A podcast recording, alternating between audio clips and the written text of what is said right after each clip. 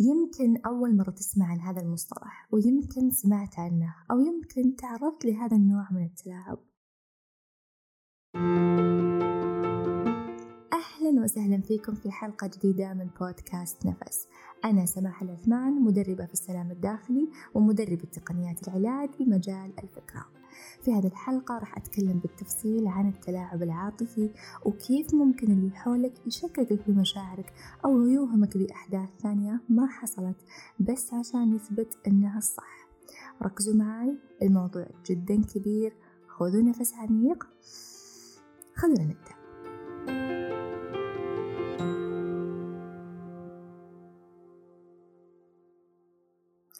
قبل ما نبدأ خليني أذكرك إذا تعجبك هذه الحلقات وهذه المواضيع أتمنى أنك تشاركها مع الأشخاص اللي تحبهم حتى تساعدني وتدعمني وتشجعني أني أستمر وأيضا ما تنسى تكتب لي تعليق في البودكاست وتضع خمس نجوم كتقييم له.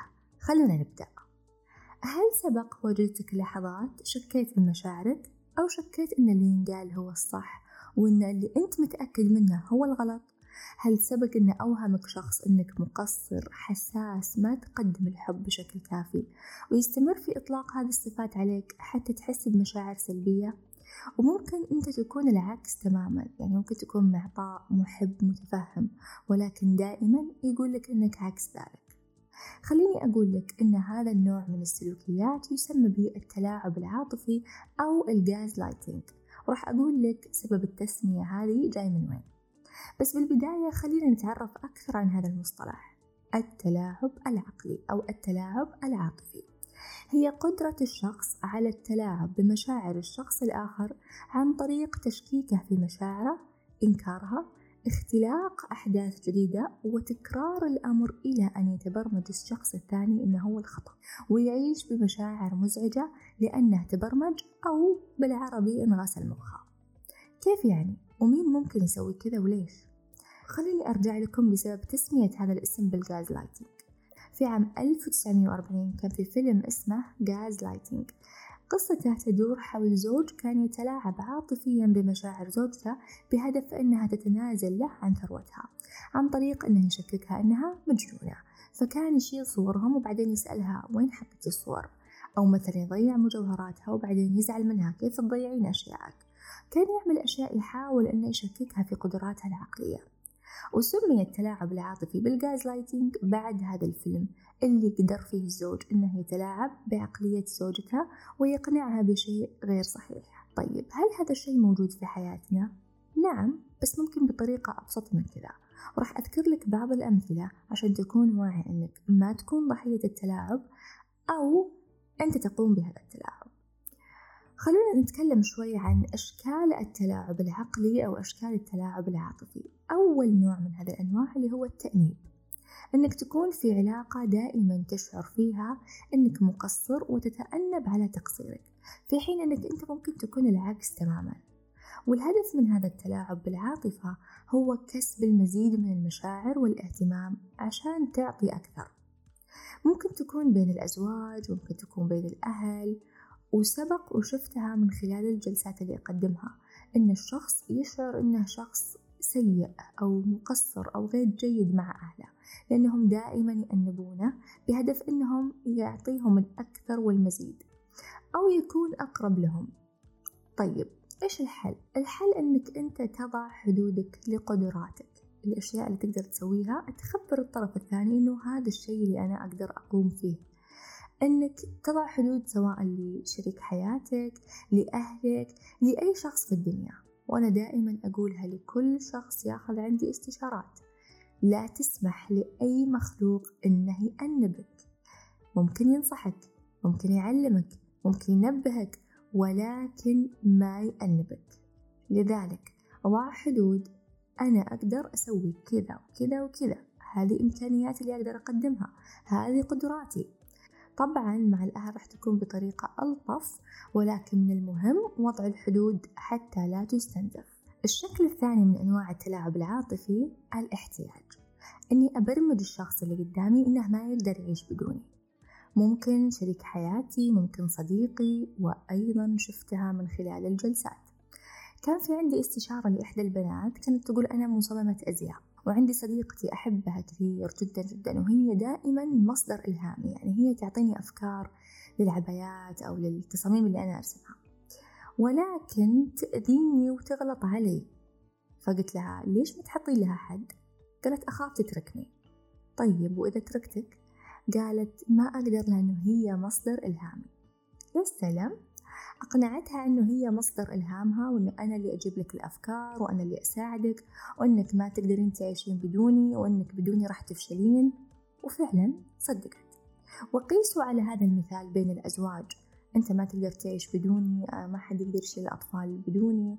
أو أنت ما تقدرين تعيشي بدوني مين بيصرف عليك؟ أو حتى في العمل. أنت ما تقدر تسوي الشيء إلا بدوني ما تقدر تنجح إلا بدعمي وإلى آخره. والحل إني أكون واعي إنه ما في شيء في الدنيا يوقف على شخص. وهنا دائما نتذكر إنه إحنا ما نتعلق بشيء غير الله. لذلك اكتسب هذا المعتقد إنه ما في شيء في الدنيا يوقف على شخص. حتى تبطل تتعلق وتضع أحلامك أو تضع أهدافك بوجود شخص معين. أيضا النوع الثالث من أشكال التلاعب والأخير اللي هو الأوهام. وهذا اللي صار في الفيلم اللي ذكرت لكم قصته في البداية أني أنا أوهمك بشيء غير صحيح ومهما حاولت تجيب لي أدلة راح أنكرها.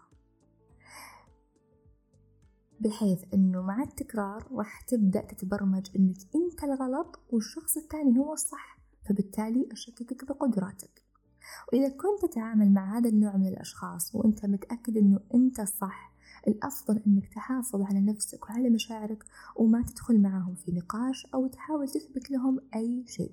فقط انسحب بهدوء. طيب إيش هي الصفات المتلاعب عاطفيا حتى أكون واعي لها؟ أول شيء الكذب. يكذب عليك بشكل مستمر ويميل للنرجسية. يعني مستحيل يعترف بكذبة أو غلطة أو يتراجع عن كلامه حتى لو جبت له أدلة تثبت أنه كلامه خطأ. بالعكس دائما يلقى حل لكذبته وممكن يقلبها عليك. اثنين التقليل من أفكارك ومشاعرك. يعني يستهين بمشاعرك وأفكارك عشان يسيطر عليك. يعني مثلا يقولك ليش أنت حساس كذا؟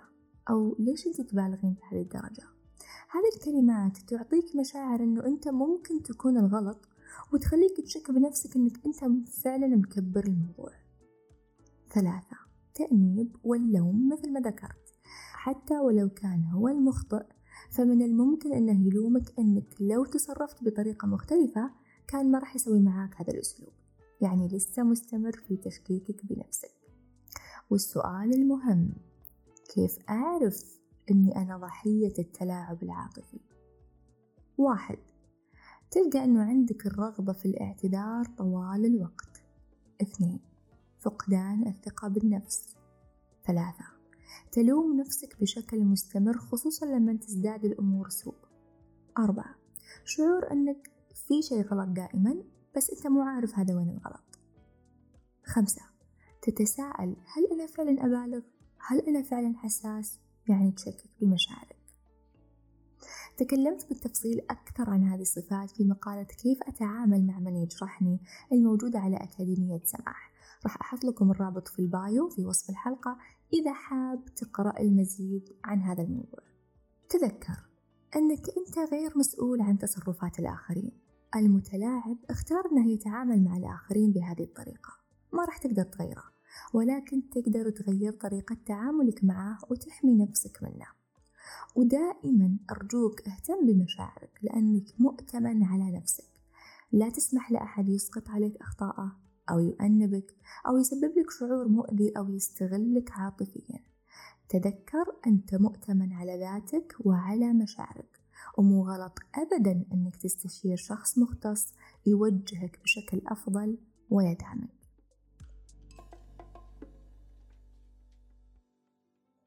وفي الختام خلونا نسأل الله سبحانه أن يعدلنا على الناس الطيبة والعلاقات الطيبة اللي فيها محبة وألفة وأنه يساعدنا نتخلص من كل شعور أو كل فكرة بداخلنا تقلل من أهميتنا وتخلينا نجذب ناس في حياتنا تؤذينا وأننا نتعلم كيف نكون أقوياء ونحمي أنفسنا ونستمد القوة فقط منه سبحانه.